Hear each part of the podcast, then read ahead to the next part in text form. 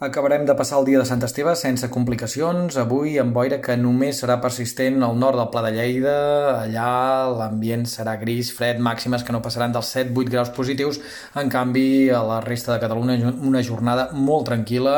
cel bàsicament serè, potser a partir de migdia bandes de núvols prims que enmig enterboliran el cel estones, però en tot cas no s'haurà d'obrir el paraigua en lloc, les temperatures similars a les d'ahir, valors puntualment de 16, 17, 18 graus a la costa i al prelitoral, entre els 12 i els els 14 a moltes comarques interiors, per tant, temperatures altes per l'època de l'any. Demà tampoc esperem que el termòmetre reculi, els núvols guanyarien una mica de protagonisme i fins i tot s'escaparien precipitacions a l'extrem nord del país, nevada al Pirineu a partir d'uns 1.800-1.900 metres d'altitud, la nevada serà feble, difícilment s'acumularan gruixos de més de 5-10 centímetres a cotes altes i es concentrarà bàsicament durant la primera meitat del dia, això sí, al vessant nord de la serralada. Fins i tot es podrien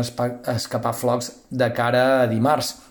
Aquesta setmana que demà encetarem serà tranquil·la, insistim, precipitacions només a l'inici de la setmana i només a l'àmbit pirinenc, a la resta no s'haurà d'obrir el paraigua, les temperatures s'aniran enfilant, les temperatures diurnes podrien arribar a superar els 22-23 graus de cara a la vigília de cap d'any, això sí, les boires també aniran guanyant protagonisme i en moltes comarques interiors els dies seran freds. I fent un cop d'ull als mapes a mig llarg termini, veiem que aquesta absència de precipitacions es mantindrà fins la jornada de Reis i que les temperatures potser sí que recularan una miqueta a partir del dia 1, però en tot cas continuaran en valors superiors als normals a aquesta època de l'any.